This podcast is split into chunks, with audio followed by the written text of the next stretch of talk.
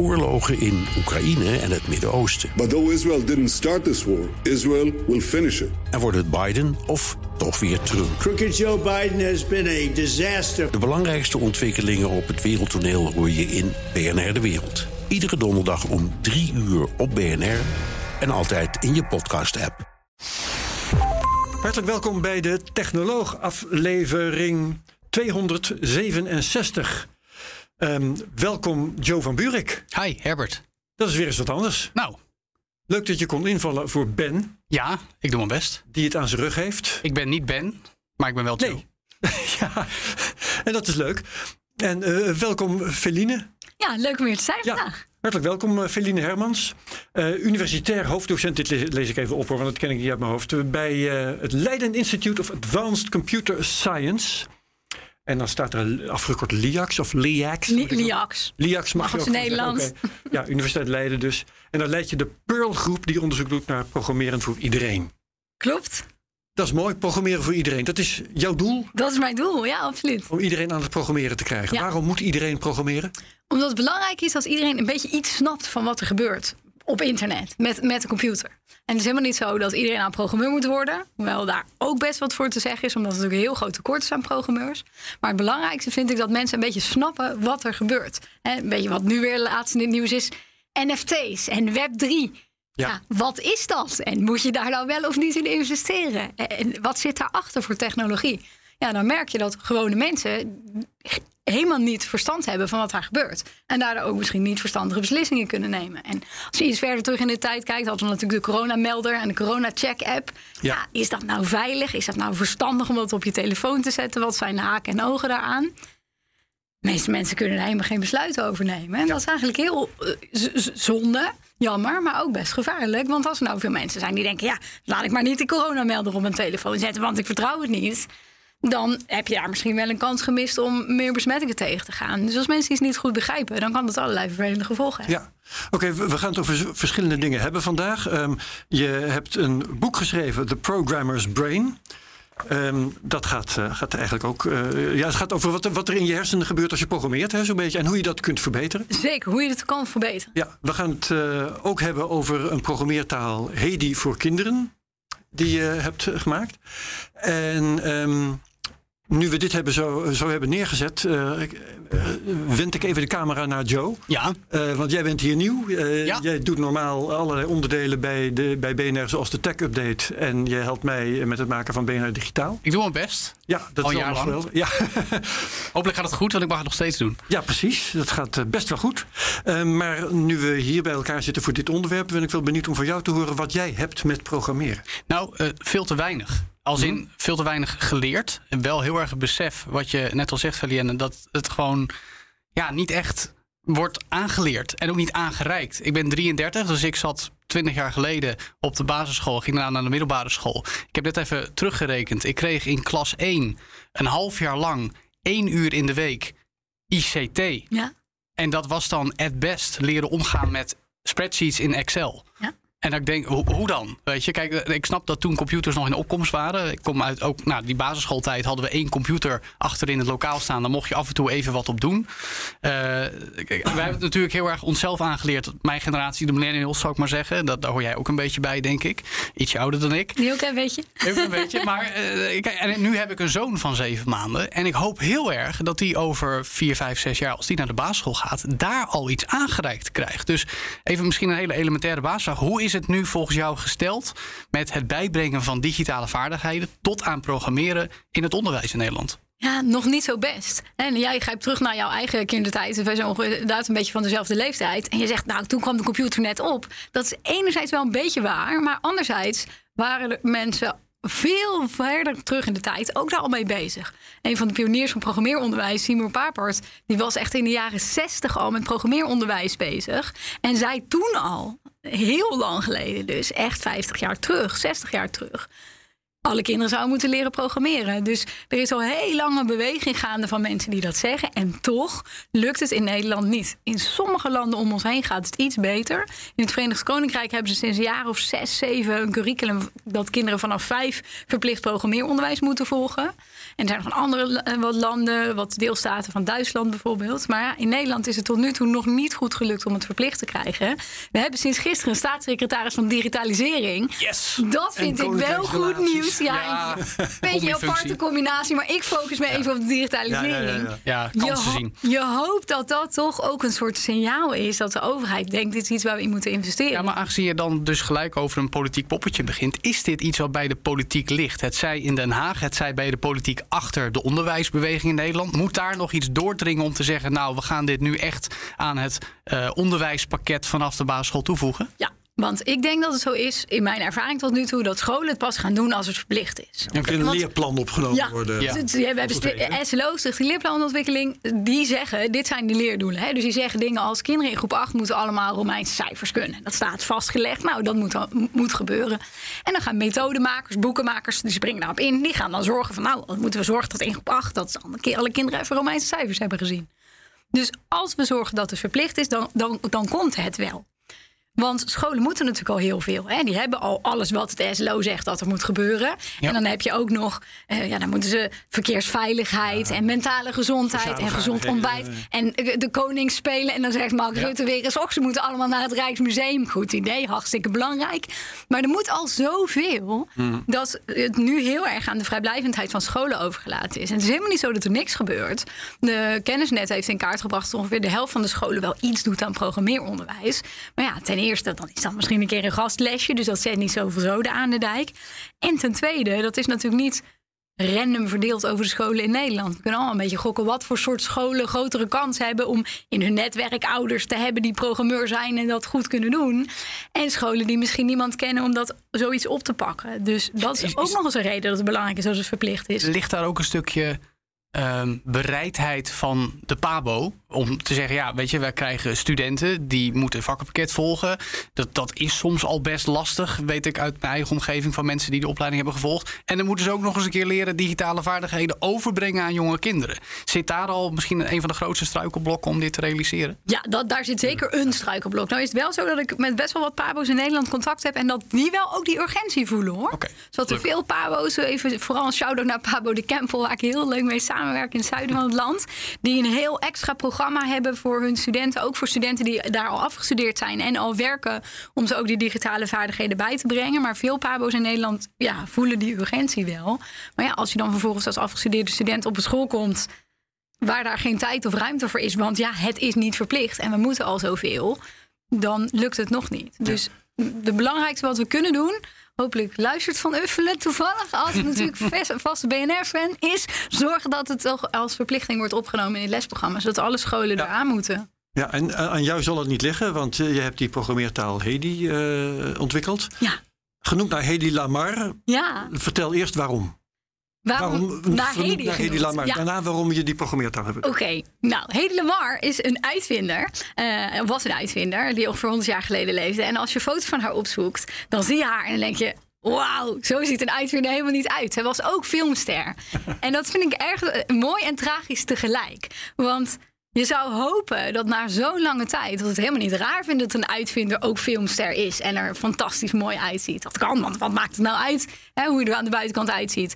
Maar toch hebben we nog heel erg het beeld van een uitvinder, van een wetenschapper. Ja, toch een grijs mannetje met Introvert. een brilletje op, Ja, introvert. En niet iemand die ook het leuk vindt om actrice te zijn. Dus dat vind ik heel erg mooi. En eh, als uitvinder heeft zij een algoritme ontwikkeld dat heet frequency hopping. Dat zit ook in je wifi-router thuis. Dus als een, als een bepaalde bandbreedte vol Oh, is, shit. dan, dan denkt hij, oh, de- dit zit vol, dan hop ik naar een andere frequentie. Dus ten eerste heeft het heel veel impact. Als je dat aan kinderen zegt van, oh, het is uitvinder van wifi, dan denk ik zo, dat is nuttig. Want daar hebben we Maak je het sexy, dat is ook Maar belangrijk. maak je het interessant. Ja. En dat, dat hoppen is dan ook nog eens leuk, omdat hoe Hedy de programmeertaal werkt, is dat het ook met verschillende levels werkt. Dus daar hop je dan ook tussen. Dus zo vond ik het allemaal mooi bij elkaar. De gamer in mij is nu al getriggerd. Ja, ja, ja. Zeker. ja. Maar dus uh, Hedy Lamar, een soort idool van jou. Mag ik dat zo Absoluut. zeggen? Ja, zeker weten. Leuk, oké. Ehm, wat eh, gaat zo'n programmeertaal eh, bijdragen aan... Ja, daar, eigenlijk vanzelfsprekend. Hè? Nee, misschien moet ik het zo vragen.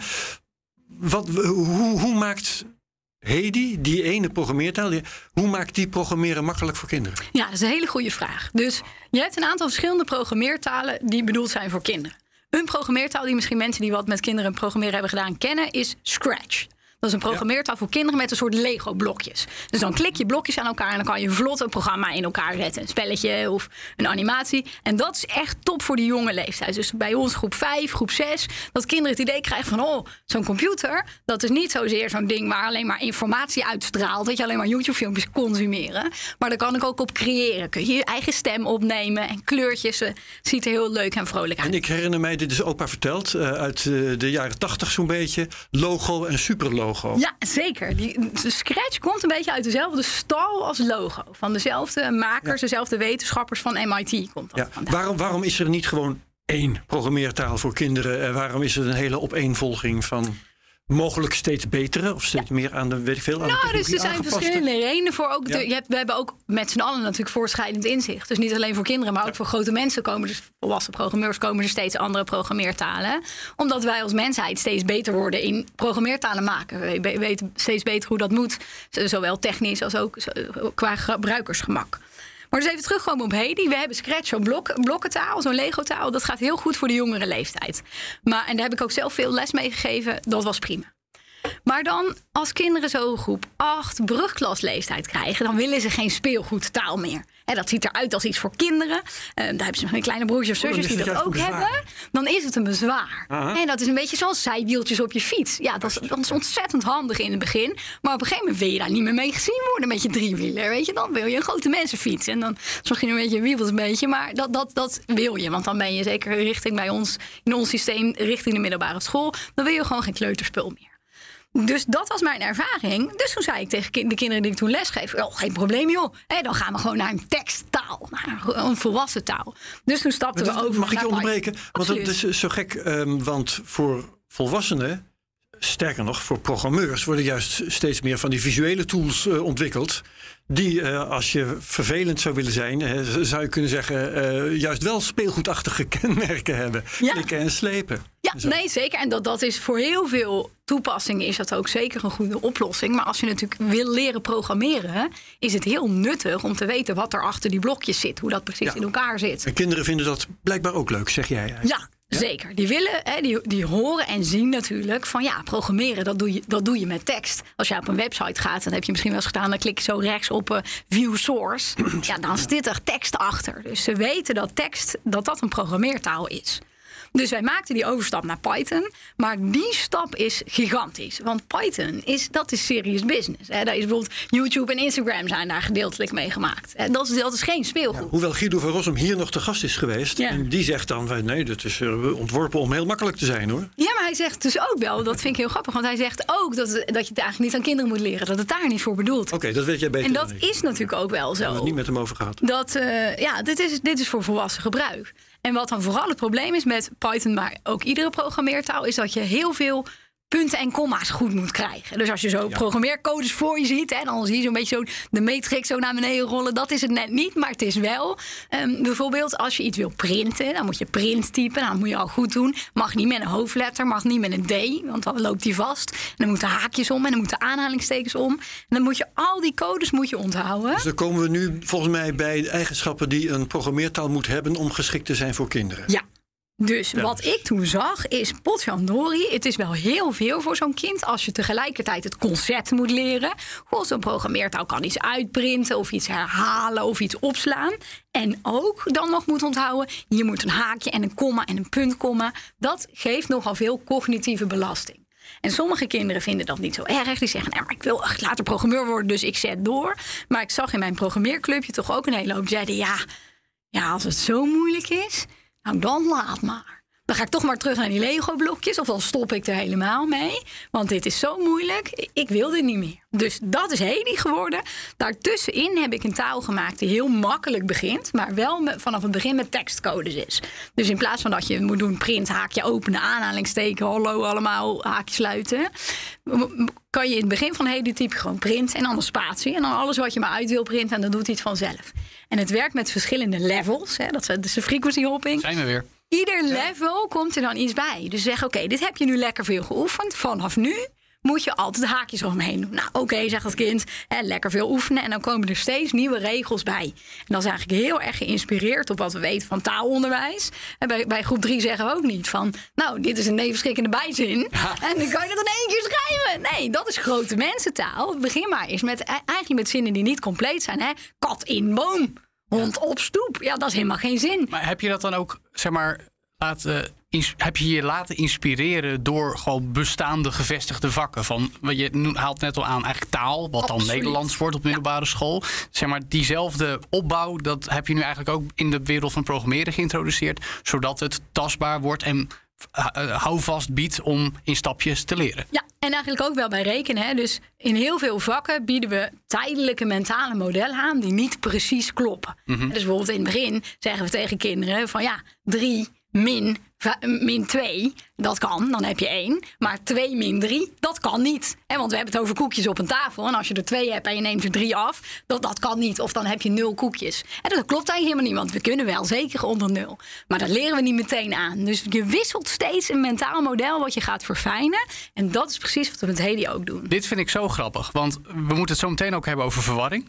En bij uitstek wat jij nu aanhaalt, en dat is echt mijn hele jeugd lang met alles wat ik leerde, heb ik dat heel vaak gehad. Wat jij net zegt, weet je, we leren eh, aanvankelijk eh, eh, 3 min 2 is 1. Maar eh 3 min 4, daar hebben we het niet over, want we gaan niet al over min 1 spreken eh, in de eerste helft van de basisschool, zeg maar. Maar ik heb me dus mijn hele jeugd lang bij al dit soort dingen, het hoeft niet alleen rekenen te zijn, maar allerlei vakken, als mij iets was aangeleerd. En later kreeg ik iets nieuws aangeleerd wat daarop aansloot, maar eigenlijk me een nieuwe werkelijkheid gaf. Hè? Weet je wel, dat was de, de tienjarige ik was daar een week lang van, van slag. Had je, had je dan iets van, had me dat meteen gezegd? Ja, maar het was, je had het net over de Matrix. Het was alsof ik opeens ontwaakt werd uit de Matrix. Dus het hele idee van dingen leren en dan eh, daarop voorborduren en weer nog iets anders leren. Waardoor ik in de war raakte en moest accepteren dat dat de echte werkelijkheid was. En dan de volgende dag weer, of de volgende maand weer. Vond Volgende het een goed leerjaar effect of weer. een slecht effect? Nou, ik vond dat best lastig. Ja. Ja. Dus mijn vraag, zeker in de context van programmeren, wat gewoon ja, ingewikkelde materie, maar heel belangrijk is.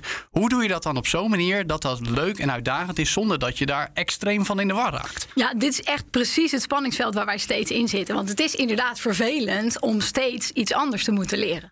En dus het is heel erg schipperen tussen het uiterste van alles tegelijk moeten leren. Welkom in groep 3. Dit zijn imaginaire getallen en Ja, dat- dat hypercubussen. je al. Hè? Of steeds een beetje, ja, wij zeggen wel eens jokken. Hè? Hè, toch steeds een beetje jokken tegen kinderen. Van ja, nee, maar je kan niet 2 R of 3. Dat kan niet. Ja, nee, kan toch. Dus dat is heel ingewikkeld om de stapjes zo te maken dat ze ook redelijk zijn. En een van de dingen die wij bij Hedy doen, is dat we goed proberen uit te leggen wat de beperkingen zijn van een bepaalde limitatie. En dus in het begin kan je variabelen en tekst kan je gewoon door elkaar gebruiken. En dat is heel handig, want dan hoef je nergens aanhalingstekens te gebruiken. Maar ja, als je dan een bepaalde variabele gedefinieerd hebt, als je bijvoorbeeld hebt gezegd naam is Joe, dan kan je het woordje naam nergens meer gebruiken, want er wordt dan altijd Joe van gemaakt. Dus we proberen dan te laten zien van, kijk, het is niet zo handig hè, dat er geen aanhalingstekens op zitten, want dan krijg je allerlei problemen. Hè? Dus dat gaan we oplossen. En dat heb je bij taalonderwijs soms ook. Ja. En dus als kinderen wat langere zinnetjes gaan schrijven, komen ze op een gegeven moment bij het einde van het papier. En dan gaan ze soms zo leuk of zo om een hoekje schrijven om een oplossing te ja, ja, ja. Maar dan heb je dus een probleem. Nou, dat probleem los je op in zekere zin door dan tegen kinderen te zeggen: ja, het zou handig zijn als we niet altijd per- se op het einde van de regel een nieuwe zin begonnen. Als het ook lekker ergens midden in het midden mag, ja, daar heb je een punt voor. Kan je zeggen: de zin is afgelopen. En dat is precies zo'n mindblow moment. Hè? Want een regel en een zin voor een beginnend kind is hetzelfde. Er is niet verschil tussen regel en een zin. Het is gewoon eh, kat eet vis. Ja, punt. Maar ze schrijft nog geen punt. Dus ja, die verwarring is vervelend. Maar je moet schipperen tussen niet te veel tegelijk aanbieden. En af en toe zeggen, nou, grapje, we doen de gordijn open. En er zit een hele nieuwe wereld achter. En in hoeverre speelt daarin, ehm, laat ik het zo zeggen, het creatieve element mee? Want ik bedoel, ik ben journalist, ook veel geschreven, net als jij Herbert. En op een gegeven moment ontdekte ik, eh, eigenlijk al op de basisschool, ik vind het leuk om met taal te spelen, om opstellen te schrijven. Weet je, dat was ik niet zo van bewust als nu in mijn volwassen leven. Maar spelen met taal, eh, verhaaltjes maken. Hoe breng je kinderen bij dat zij dingen kunnen creëren, kunnen, kunnen opbouwen met die programmeertaal? Dat het niet alleen maar een oefeningetje is, maar ook daadwerkelijk dat je gewoon ja, dingen kan in elkaar zetten en bedenken. En Ja. dat het leuk is. Ja, Ja, supergoeie vraag. Dus wij hebben in, Hedy, in ieder level hebben we verschillende avonturen. En een van die avonturen, dat zou je bevallen, is het maken van een verhaal. Ehm, en dan hebben we dus, bieden we voorbeeldverhalen aan, maar kinderen kunnen helemaal zelf van alles en nog wat daarmee gaan doen. En we hebben bijvoorbeeld sommige concepten die wat complexer zijn naar voren gehaald om die creativiteit te stimuleren. Dus vanaf een van de eerste levels kun je bijvoorbeeld al een willekeurige waarde uit een lijstje kiezen. En dan kan je bijvoorbeeld zeggen van dieren is een kat, kangeroe of pangolin of waar je ook maar fan van bent. En dan het volgende zinnetje zeg je dan van uh, Piet liep in het bos en hij kwam een willekeurig dier tegen. En dan kiest hij een dier. Dus heb je iedere keer een ander verhaaltje. En zo hopen we die creativiteit een beetje te stimuleren. Dus verhalen maken is een, een van onze avonturen. Maar een ander avontuur is een soort tekenmodule, een soort ouderwetse logo. Want sommige kinderen vinden verhalen leuk, maar andere kinderen vinden tekenen heel leuk. En weer andere kinderen vinden het leuk om programmeren meteen toe te passen op hun dagelijks leven.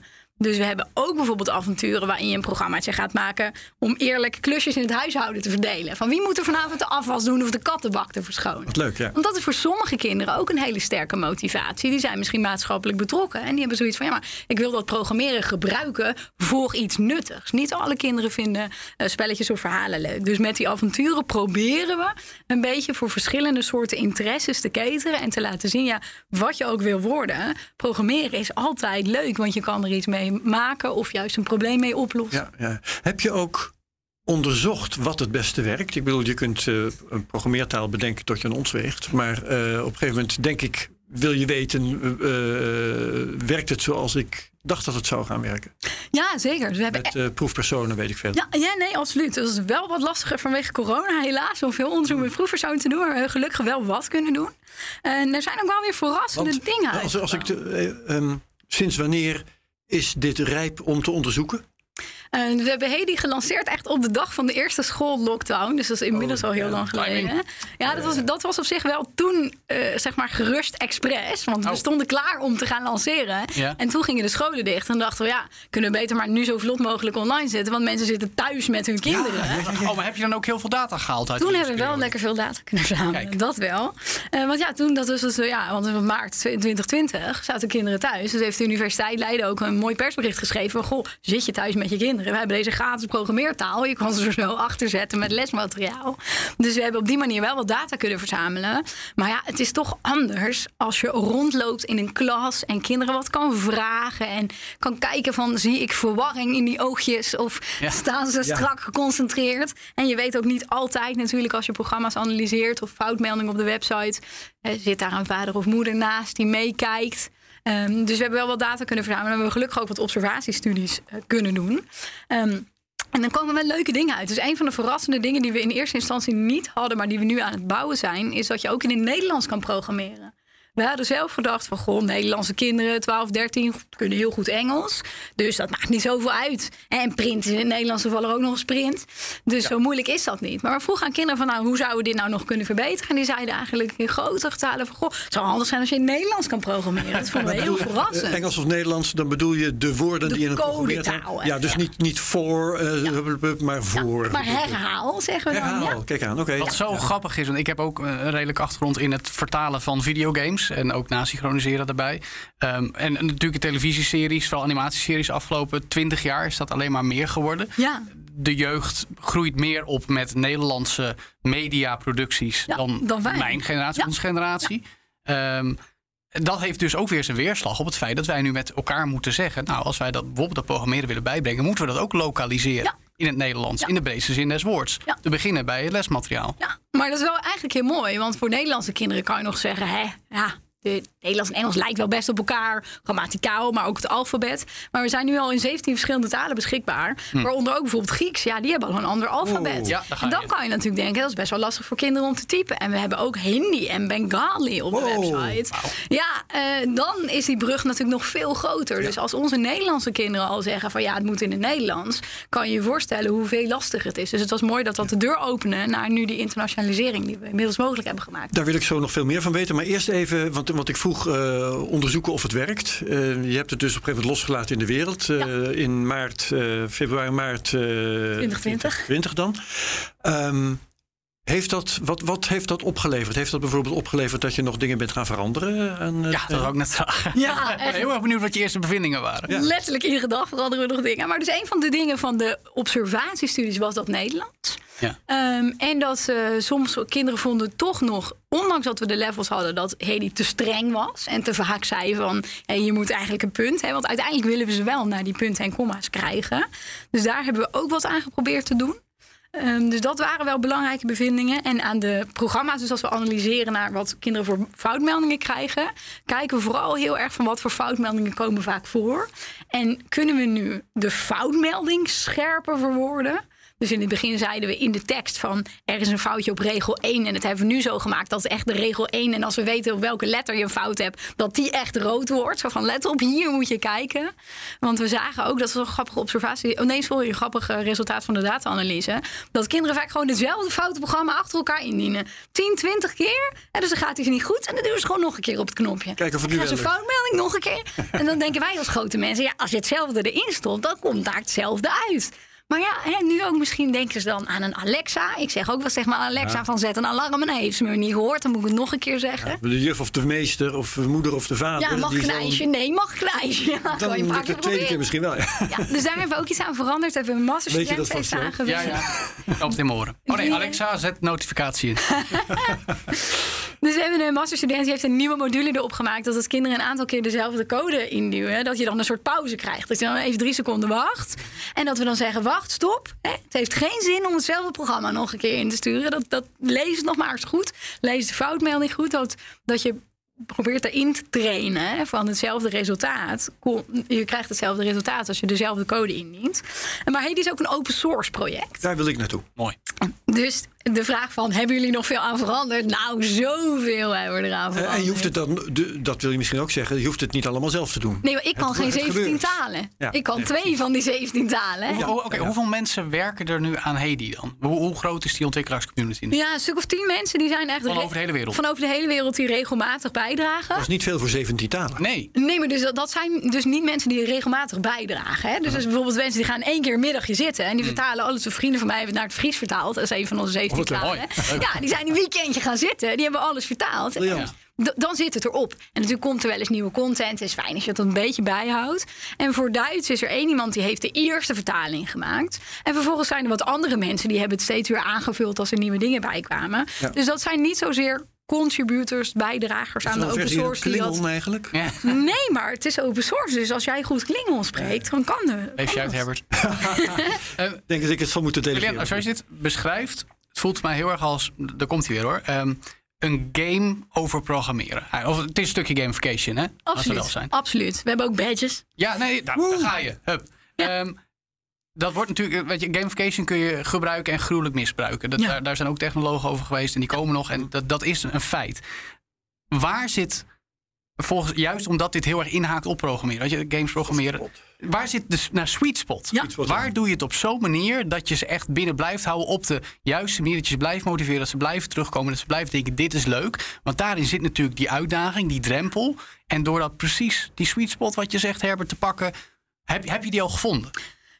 Ja, ja en nee. Dus we zien nog steeds wel kinderen die afhaken. Hè? Dus we, zien, we, we hebben daar ook an- we doen ook drop-out analyse. Hè? Van Juist. wanneer stoppen kinderen er nou mee? En dat is ook niet altijd te voorspellen. Misschien dat een kind denkt: oh, ik heb genoeg geleerd. Ik ga nou naar Python. Is er dan één moment waarop je ze het meest ziet afhaken? Nou, we hebben dus één eh, specifieke verandering echt data-driven gemaakt. Dat is natuurlijk wel leuk aan dat allemaal op een website draait en we alle data analyseren. We zagen één specifiek geval eh, in een stap als we gingen de, onze eerste herhaallust. Dan zeg je herhaal tien keer. En vanaf daar gingen we naar de volgende stap en dan ging het meer op zijn Pythons. Dus dan moet je zeggen for i in range en dan 10. Ja. En dat was een hele grote stap, want herhaal tien keer. Ja, dat is nog een beetje Nederlandse me- normale mensentaal. Daar zagen we dat dat een soort klif was waar veel kinderen afhaakten. Dus daar hebben we twee stappen van gemaakt. Dus die, daar hebben we nu de taal wat aangepast en de level tussenin geschoven. Ja. Waardoor die stap wat kleiner is.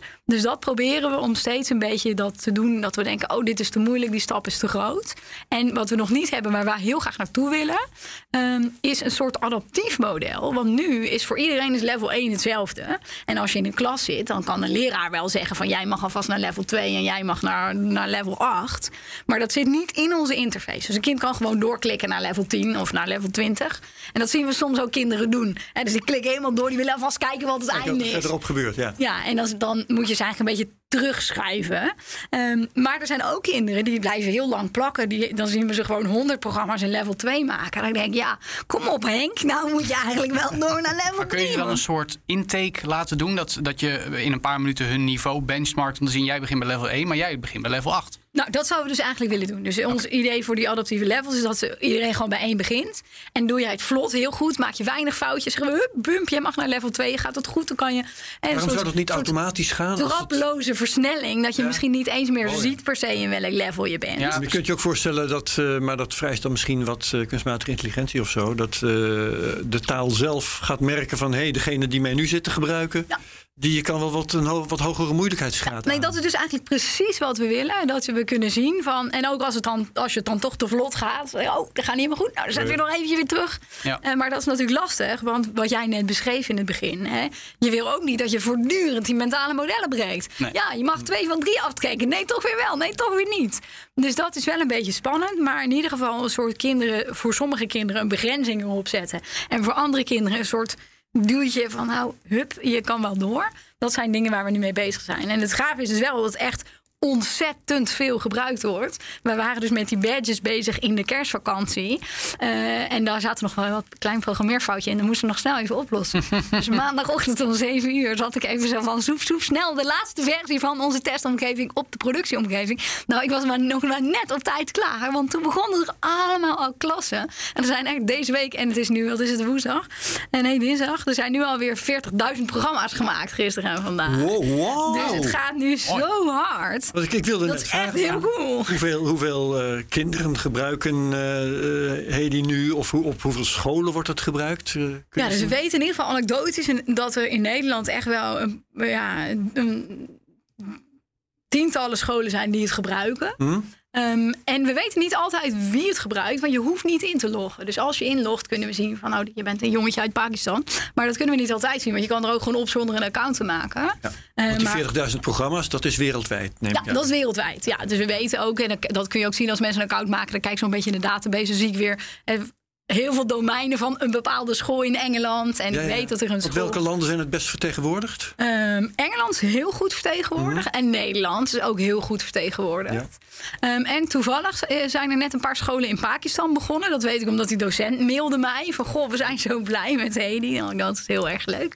En eh, er gaan binnenkort 20 scholen in Indonesië beginnen. Dus ook Indonesië is ook een van de talen waar we in beschikbaar zijn. En hoe komen die scholen in die landen achter het bestaan van Hedy? Ja, verschillende dingen. Dus van Indonesië weet ik toevallig. Dat is een jongen die heb ik ontmoet op een, op een virtuele conferentie. Die heeft het vertaald. En die heeft zelf een beetje campagne gevoerd bij scholen. Van, oh, dat is echt heel handig en gratis. En dat zouden jullie moeten gebruiken. Dus, dus eigenlijk die mensen in die ontwikkelaarscommunity, die tien, weet over, dat zijn ook Ja. je ambassadeurs en je marketingmanagers. Absoluut, zeker. Sommigen wel. En in Engeland hebben we in een. eh, in Engeland heb je een magazine wat gaat over programmeren onderwijs voor kinderen. De Hello World magazine heet dat. Daar heeft een groot artikel over Hedy in gestaan. Dus dat zal daar zeker heel erg hebben bijgedragen.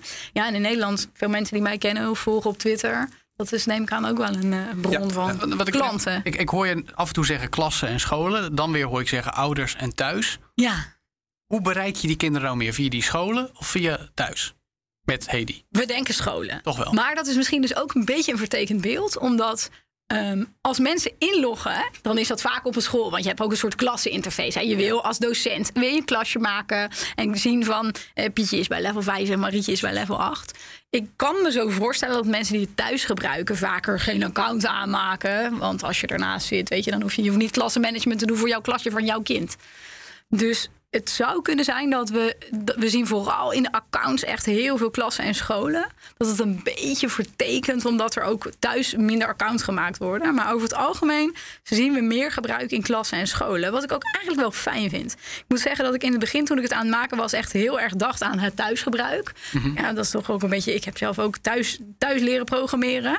Hoe ging dat bij jou thuis vroeger dan? Nou, Gewoon kroop je ja. bij je ouders op schoot achter de computer? Of Nee, alleen. Nee, mijn ouders hadden wel een computer gekocht. Ik weet eigenlijk niet. Mijn vader leeft niet meer. Die had die computer gekocht. Ik weet niet waarom hij dat ding had aangeschaft. Want ik deed er nooit wat mee. Hij had een eigen bedrijf aan huis. Ik neem aan dat iemand tegen hem gezegd had van... Frans, jij moet een computer hebben. Want dat is de toekomst of zo. En mijn vader dacht, oh, dat is wel handig om brieven te tikken. Maar die deed er verder nooit wat mee. Maar in die tijd had je natuurlijk... Ik had geen internet. Dat bestond wel. Maar dat hadden wij nog niet. En dan helemaal YouTube was er ook nog niet.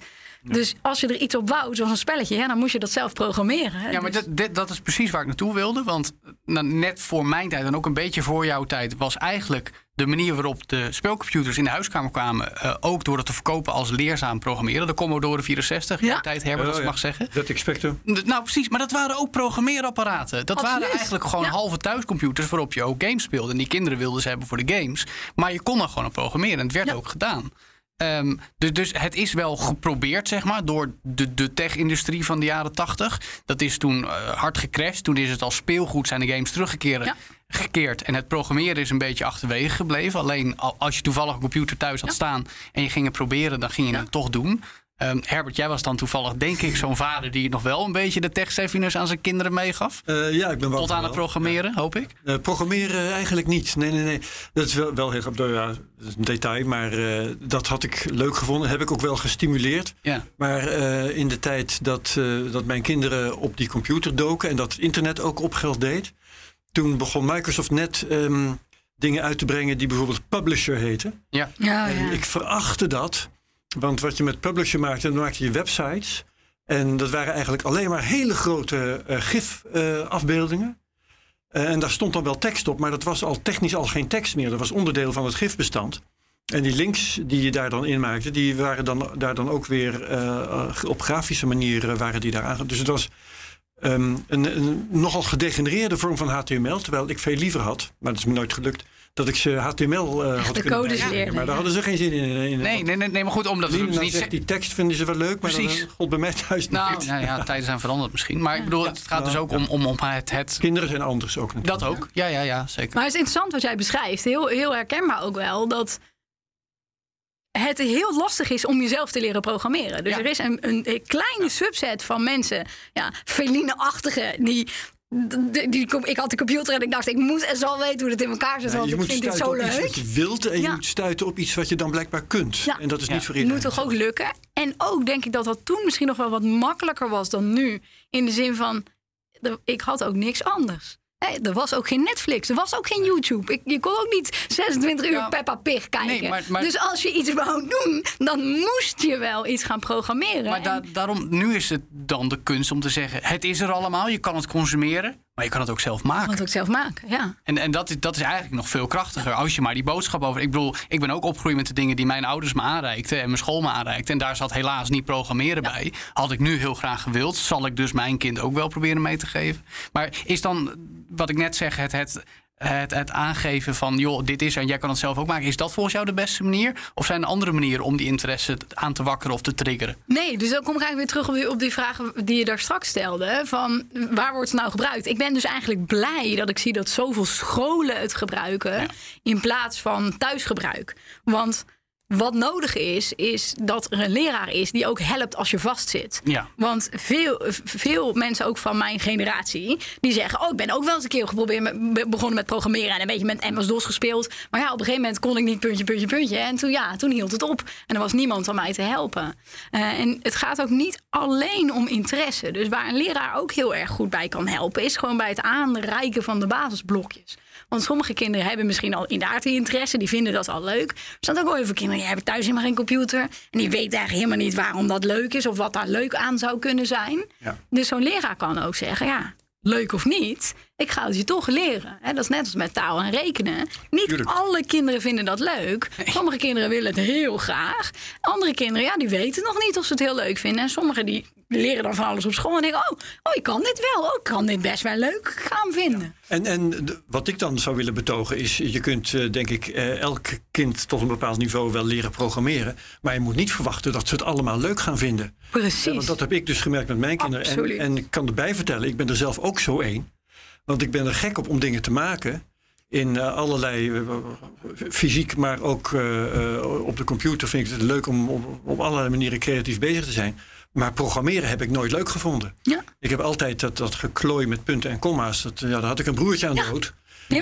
eh, ik was al lang blij dat het niet meer hoefde toen er gewoon dingen kwamen als Windows. en zo. En daar moeten we denk ik, dus dat heeft ook weer met die vrijblijvendheid te maken. Daar moeten we een beetje van af. Dat vaak eh, mensen er zijn veel mensen in de programmeerindustrie, zoals ik, die het heel leuk vinden en die niks liever doen als van vervolgens vroeg tot avonds laat programmeren. Ja. En dat is prima.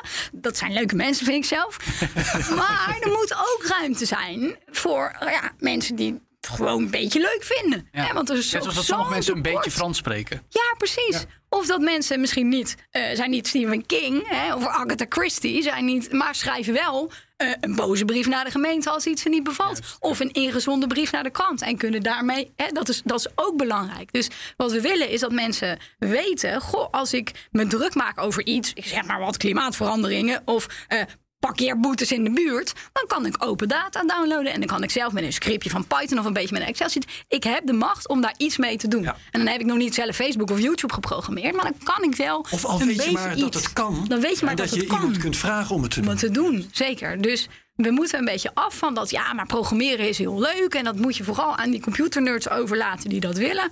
Nee, je moet het zorgen dat iedereen net bij talen en rekenen een soort basisniveau heeft. Ja. Dan zorg je ten eerste dat er meer mensen zijn die het kunnen. En een hoop vinden het dan misschien ook, gaan het leuk vinden.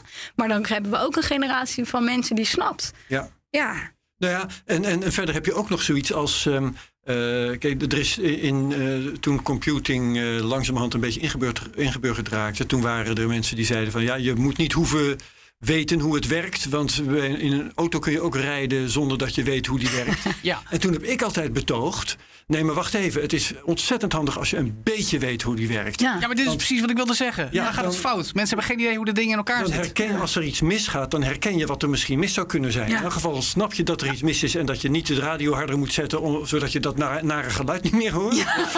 Wat ik ook wel heb, heb vernomen.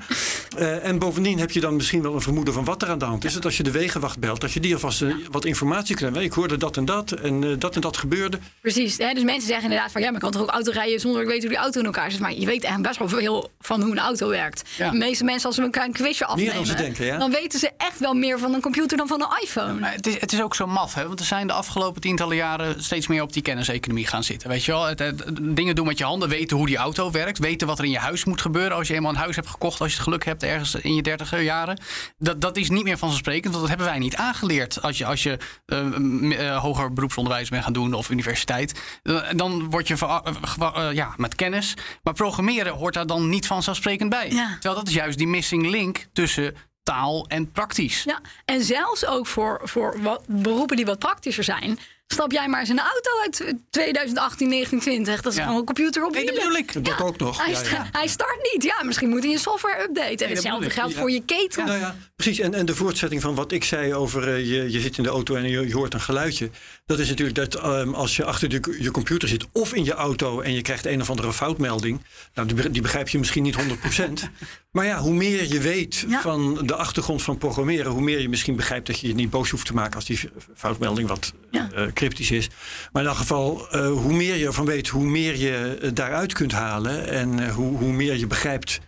eh, wat, wat er mogelijkerwijs achter zit. Ja, absoluut. Ik, ik wil het heel graag ook even over je boek hebben. Leuk. Want die Precies. hebben we voor ons liggen, de Programmer's Brain.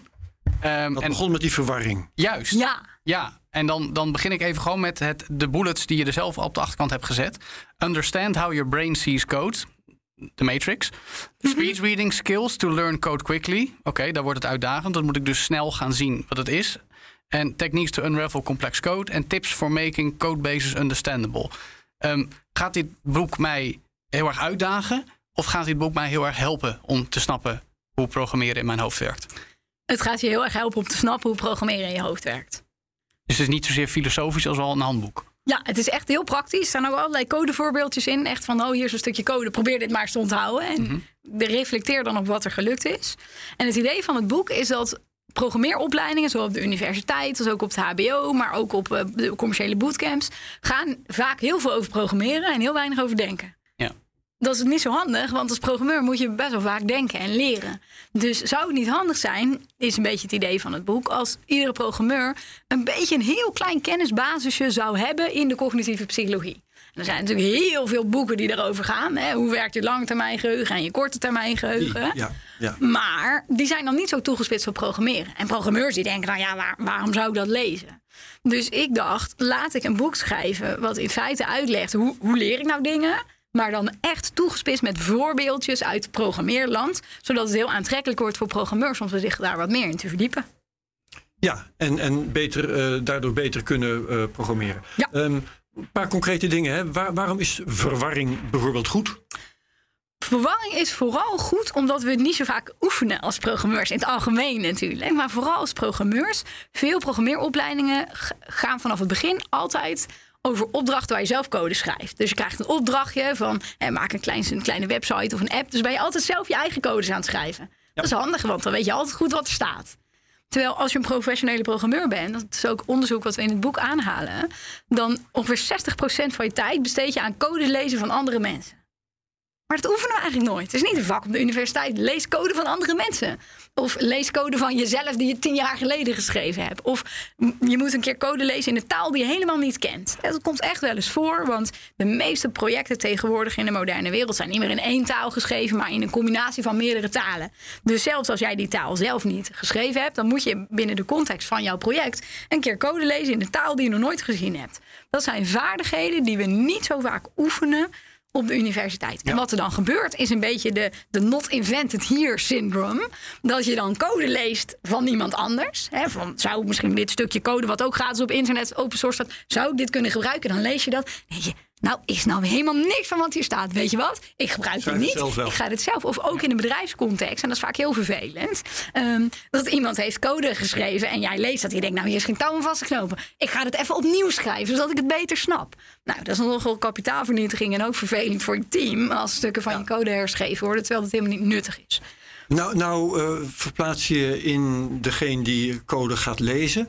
Maar wat ik ook uit jouw boek haalde, dat was dat. ehm, eh, ik weet niet meer wat, wat de uitspraak ook weer was. eh, de meeste code wordt vaker gelezen dan uitgevoerd. Ja, En eh, het is dus relevant om code zo te schrijven dat hij goed gelezen kan worden. ja klopt. Dat is de andere kant van, de, van die medaille. Ja, natuurlijk. zeker. En als jij natuurlijk oefent met code lezen, dan krijg je daardoor ook beter begrip van het perspectief van de lezer. Dus als je veel oefent met code lezen, dan ten eerste is het is een van de voordelen dat je je dan wat comfortabeler voelt bij die verwarring. Dat je niet na vijf minuten denkt, nou, eh, geef mijn portie maar een fikkie, ik schrijf het opnieuw. Maar dat je denkt, oké, ik snap het nog niet helemaal, maar ik heb dit gevoel geoefend, die verwarring daar kan ik tegen. Ik kan nog wel even doorzetten. En het boek geeft dan ook allerlei praktische trucjes die je kan gebruiken. Van, bijvoorbeeld schrijven ze alle variabele namen op, of schrijven ze alle functies op, of maken een diagrammetje. Dus tools die je kan gebruiken om code beter te begrijpen. En als je dat vaak doet, dan ga je dus ook helemaal steeds verplaatsen in... Goh, hoe is het nou toch om te lezen als je er niks van snapt? En als je dan code aan het schrijven bent... heb je hopelijk ook nog die mindset van... ja, maar als iemand anders dit moet lezen... dan moet je wel een beetje opletten dat het nog een beetje te snappen is. Ik, zoals jij mij vertelt, of eigenlijk een heleboel dingen die je zeker de afgelopen tien minuten zegt, is het voor mij heel erg zoals taal op de basisschool. Namelijk opstellen, schrijven. En die moest je dan uitwisselen met je buurman of buurvrouw. En dan van elkaar nakijken en dan zeggen wat je ervan vindt. Ja. Eigenlijk is het hetzelfde principe, toch? Er is een heel hoofdstuk in het boek die dat precies uitlegt. Twee jaar geleden is een Nature paper verschenen, echt fantastisch. Waar ze in, dat is niet mijn onderzoek, helaas sta ik niet in Nature. eh, waarin de wetenschappers Ja. uitleggen dat hoe goed je een tweede taal kan leren, heel voorspellend is voor hoe goed je een programmeertaal kan leren. En zij zeggen dus ook een van de, eigenlijk de, de foundations waar het boek op gebaseerd is. Van goh, zou eigenlijk meer naar taalonderwijs, naar tweede taalonderwijs moeten kijken. Om, te- dat te gebruiken, om programmeeronderwijs te versterken. Dus ook andere dingen die je in taalonderwijs, tweede taalonderwijs veel ziet. Hè, lees een krantenartikel, vijf minuten en schrijf een samenvatting. Nou, dat zijn ook oefeningen die we in het boek ook hebben. Dus je kijkt vijf minuten naar code en dan dek je het af. Dan, dan sluit je het af op je computer. En dan probeer je een samenvatting te schrijven. Nou, of omcirkel de kernpunten zijn typisch van die oefeningetjes die we allemaal deden op het VWO. Hè? Van lees een krantenartikel en wat is het hoofdpunt? Ja, Of hier is een krantenartikel zonder kop. Wat is een goede kop? Nou, geven wij jou een stukje code zonder naam. Wat zou jij voor naam hierop zetten? Ja. Dus al dat soort technieken, dat heb jij heel scherp herkend.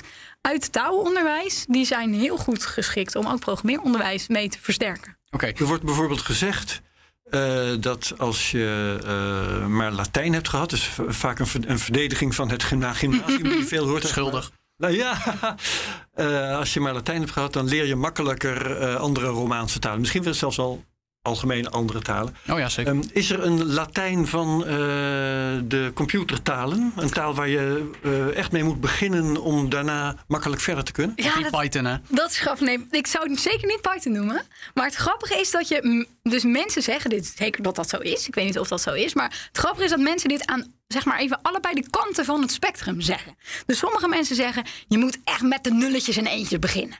En je moet beginnen met registers, bussen, machinetalen. Binaire code. Je moet daar nou net iets boven binaire code. Maar laten we voor de gewone mensen die luisteren zeggen... even met een en eentjes. Dus je moet zo dicht mogelijk op de computer beginnen. En vanaf daar moet je stap voor stap opbouwen. Dat zijn, maar er zijn ook mensen die zitten helemaal aan de andere kant.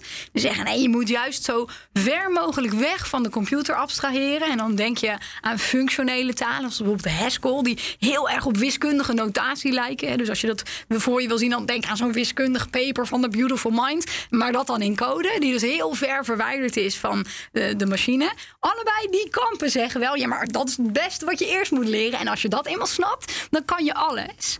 Ehm, dus ja, wat daar de Latijn, quote-unquote, van het programmeren is, dat weet ik niet. Eh, wat we wel weten, eh, daar is net ook heel leuk paper eh, over verschenen, dat het heel goed kan zijn voor je programmeerbegrip om meerdere verschillende begrippen te hebben. Dus als het niet per se, hè, als je die verschillende mentale modellen waar we het over hadden, dat het helemaal niet zo slecht is om eerst te denken: je kan dit en daarna kan je dat. Want je kunt tussen die mentale modellen wisselen. Dat kunnen wij ook bijvoorbeeld in een wiskundecontext. Hè. Wij, wij weten dat als er drie bekers koffie op tafel staan en ik wil er vier pakken, dan heb ik niet genoeg. Maar het kan ook buiten min vijf zijn. Dus wij kunnen allebei die mentale modellen toepassen. En dat is helemaal geen probleem om te wisselen. Wij weten wanneer kan je wel en niet onder nul. Of ook met delen. Hè. Dus deel je wel of niet met rest. Dus als je een tientje wil delen met z'n vieren, ja, is het dan 2,50? Of zeg je nee, dat kan niet, want we ronden het af. Ja, dat ligt eraan wat je aan het uitdelen bent. Dus wij kunnen als, als experts tussen verschillende mentale modellen wisselen. Heel nieuw onderzoek van eh, Lauren Margulieu. Die zegt dat is voor programmeren ook eigenlijk belangrijk om verschillende conceptuele modellen te hebben. Dus dat ondersteunt het idee wat veel mensen ook wel hebben, dat het goed is om verschillende programmeertalen te kunnen. Want ieder programmeertaal heeft weer zijn eigen mentale modellen. Ja, ja, ja, ja. En dat kan dus uiteindelijk de concepten in je brein versterken, omdat je het van verschillende kanten kan belichten.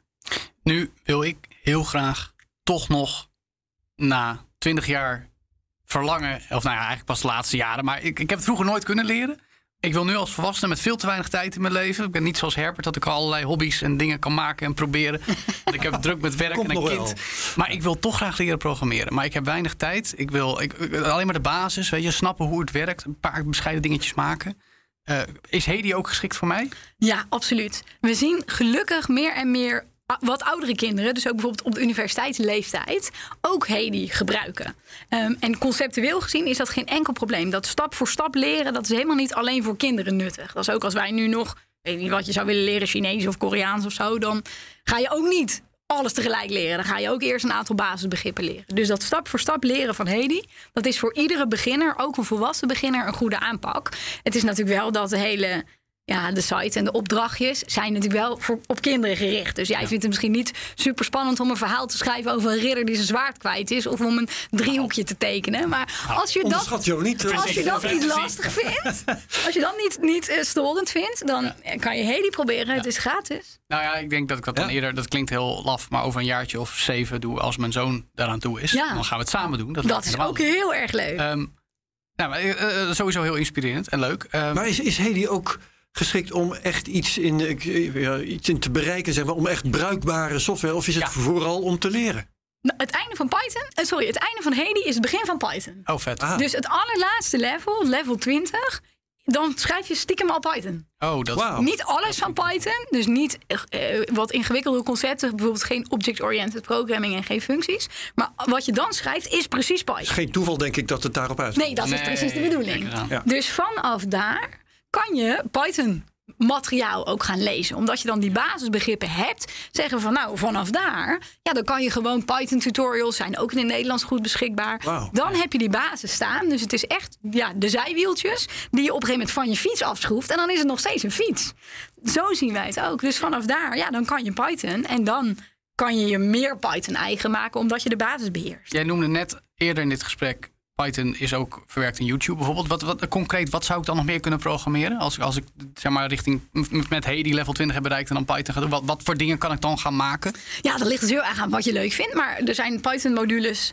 Het, het leuke van Python is dat er heel veel modules zijn om met een Python-basis iets te maken. Ja. Dus je kan met Python met een bepaalde module een website maken. Je kan met Python met een bepaalde module iets op een robotje maken, embedded Python.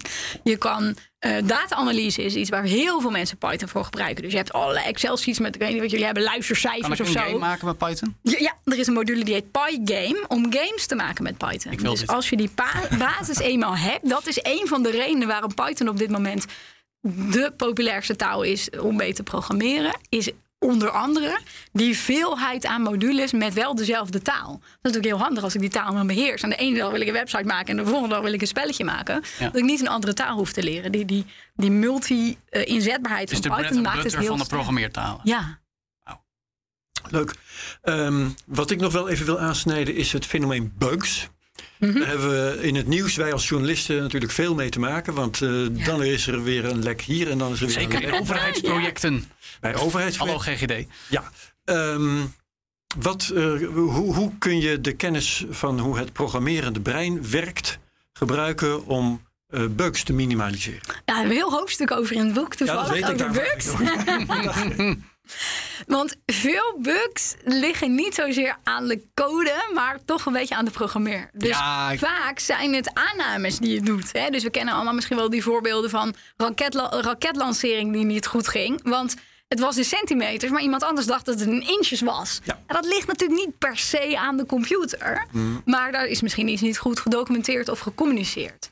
Dus dingen als je aannames heel expliciet maken, goed duidelijk opschrijven wat nou de bedoeling is, binnen een team heel goed communiceren, dat zijn dingen die heel belangrijk zijn. En dan heb je het ook weer met Comments in de code opnemen. ja, dat absoluut. Ook ergens gelopen. En ook weer natuurlijk een beetje hand in eigen boezem voor programmeeronderwijs. Eh, Programmeeronderwijs is toch vaak ook een beetje met een bepaald soort klant in gedachten. Die computernerd die misschien heel veel van computer houdt en niet zo van kletsen met andere mensen.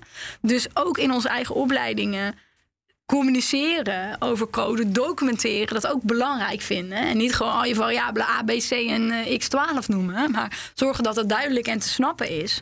Eh, dat is ook iets waar we studenten en nieuwe programmeurs in moeten opleiden. Oké, maar dan wil ik je uitdagen. Dit is een beetje filosofisch, politiek. Maar wordt programmeren ooit net zo vanzelfsprekend als wiskunde en Engels in het onderwijs? Een mens mag dromen. Nee, dat snap ik. Nee, nee, nee. Oké, maar ik, ik, ik weet niet of je, dat, of je er iets over kan zeggen. Ja. Maar is dat realistisch? Weet je wel, en 10, 25, 50 jaar komt er een punt dat je denkt dat we met, met elkaar als mensen, als samenleving beseffen dat programmeren als, als bouwstenen van de digitale wereld die steeds meer om ons heen vormt, dat dat gewoon elementair is om te snappen hoe de wereld werkt, zoals een taal, zoals rekenen. Ja, ik wil niet veel doemdenken, want ik ben op zich een optimistisch mens. Maar ik denk dat als we daar niet vlot komen, dan hoeft het niet meer. Oké, je- dus de klok tikt. Ja. Leg ja. dat uit, leg Ja, dat nou, als je bijvoorbeeld is om eens iets te noemen, kijk naar Bitcoin en de impact van Bitcoin Ja. op het klimaat. Zolang mensen niet snappen wat Bitcoin is, namelijk een computer staat heel de dag vroom, vroom, vroom te doen voor jouw centjes, en dat geeft CO2-uitstoot. Mensen staan er totaal niet bij stil. Dat is niet zo goed. En dat is een aspect. En wat denk je van Facebook en nepnieuws? Ik, Ja. ik weet niet of we ook zoveel weiger- vaccinweigeraars hadden gehad als er geen Facebook was geweest. Als we met elkaar hadden leren programmeren, Als, 15 jaar geleden. Ja, of als we beter hadden gesnapt. Hè? Dus, Ja. dus een van de dingen die mensen vroeg, vroeg bij Facebook niet zo goed hebben begrepen, is dat mensen denken als iets op internet staat, dan is het waar. Want dat Ja. was een tijd, was dat een soort van zo. Dat een als- website, hè, je, had, je had mensen hadden hun eigen, ja, zeg maar, Verlines webhoekje op, op GeoCities. En je had echte websites van de Volkskrant en, en NRC. En nu heb je nieuws. En als iets nieuws is, dan lijkt het echt. Maar het is ge- ge- voor jou als gecustomized. mensen meer, beter hadden begrepen dat ze door algoritmen worden bediend. Precies. En misschien ook wel als dat programmeurs bij Facebook beter hadden bedacht of hadden kunnen bedenken dat het hun impact was. Ik denk dat ze het wel hadden kunnen ja. bedenken. Maar. Dus als we niet snel zorgen dat mensen begrijpen, en zo kan ik nog wel tien doen, denk ik, voorbeelden geven, dan, dan hoeft het niet meer. Ethisch dilemma. Dan laat Want programmeren is een tool en het haakt in op wat jij nu net zegt. Mensen kunnen daar mooie dingen mee maken, mensen kunnen daar slechte dingen mee doen. Zie Facebook. Ja. Als we met z'n allen meer leren programmeren, gaat de meerderheid daar dan goede dingen mee doen? Ja, ik denk uiteindelijk geloof ik wel dat de meeste mensen goed zijn. En dat het wel zo is dat de macht van programmeren nu misschien geconcentreerd is in de handen van een bepaalde groep. Die, die hun eigen problemen oplossen. En dus de meeste software die gemaakt wordt in Silicon Valley, die lost Silicon Valley problemen op. Dus wat krijgen we nu? Airbnb, want ik wil lekker goedkope vakantie. En dan hebben we nou gorilla's en uh, wat heet die andere dingen. Hè? Dus, ik wil, ik wil, dus dat zijn de problemen die worden opgelost. Nou, wie, wiens problemen zijn dat? Er zijn hele andere soorten problemen. Ik kan ook over armoede en schuldhulpverlening, allerlei problemen die je ook zou kunnen oplossen. Maar de problemen die nu worden opgelost, zijn in feite de problemen van de middenklasse. Van de, de boys in Silicon Valley. Die noemen ze ook wel Montech. Hm. En dus dat is namelijk technologie die je moeder vervangt. Ja. Want je moeder doet anders boodschappen. Maar nou heb ik een app die boodschappen doet. Dus ik denk wel dat als er meer mensen kunnen programmeren, dat het niet zozeer betere mensen zijn die betere dingen gaan doen, maar wel diversere mensen die diversere problemen hebben en dan hopelijk software gaat maken, gaat die nieuwe generatie van kinderen die we dan allemaal leren programmeren, denken: oké, ik kan nu programmeren en nu ga ik klimaatverandering oplossen. Of nu ga ik nepnieuws oplossen, want ik kan dat. En dan ligt de technologie niet alleen maar in de handen van mensen. Dan ben ik toch weer positief in plaats van negatief. Gelukkig maar. Van mensen die de wereld daar ten goede mee gaan veranderen. Dat hoop ik dan. Prachtig. Uh, Joe, jij nog meer te vragen? Mijn vragen zijn beantwoord. Ik wil programmeren, maar ik wacht nog even een paar jaar tot ik iets meer tijd heb en een zoon om het samen mee te doen. Cool. Precies. En als die zoon eenmaal daar ontvankelijk voor is, dan maak jij uh, makkelijker tijd, denk ik. Om, uh, dat ook. nou ja, dan gaat hij iets voor mij programmeren, waardoor we samen meer tijd hebben, denk ik. dat hoop ik voor je. Ja. Hebben wij nog iets vergeten te vragen wat je heel graag kwijt had gewild? Nee, we hebben de leukste dingen besproken. Mooi zo. Nou, we hebben net toevallig uh, op dit moment, deze seconde, hebben we het uur vol. Perfect. Uh, het uur dat we onszelf meestal gunnen. Dus dan, uh, dan sluit ik het hierbij af. Dan dank ik je heel hartelijk voor, voor je verhaal over je boek. Dat heet nog een keer The Programmer's Brain. Uh, verschenen bij Manning, is de uitgeverij zo te zien. Ja, klopt. Ja, dus uh, nou, ik neem aan dat als mensen dit weten, dat ze het ook gewoon kunnen vinden. Op ja, verliezen.com slash boek is ook heel makkelijk. Is ook heel makkelijk. Um, nou, programmeertaal Hedi, dat uh, waarschijnlijk als je dat googelt, dan kun je gewoon, heb ik trouwens oh. gezien gisteren. Ja, nog. Hedicode.com. Hedicode.com. Ja. Ik ben alvast aan het kijken hoe ik iets kan. Ik begin natuurlijk bij level 1, maar over een jaartje of zeven, dan, als jij het digitaal nog steeds maakt, dan doet een algoritme dat voor jou. En dan heb ik meer tijd met mijn zoon. Ik weet niet of jij dat leuk zou vinden, dat je dat niet meer zelf. Nee, um, maar daar hebben we het nog wel over. En uh, verder, Feline, um, heel veel succes met uh, beide projecten, misschien andere die je nog doet. En ik stel me zo voor dat we over een tijdje jou weer terugvragen om te vragen hoe het er mee is gegaan. Dat zou leuk zijn. Oké, okay. bedankt Feline Hermans. Bedankt Jo van Buurik voor het invallen voor Ben van den Burg. Altijd, met liefde. Uh, aan Ben van den Burg wensen we natuurlijk nogmaals beterschap en zo. Alle luisteraars bedankt, kijkers ook bedankt. En uh, tot de volgende Technoloog. Dag.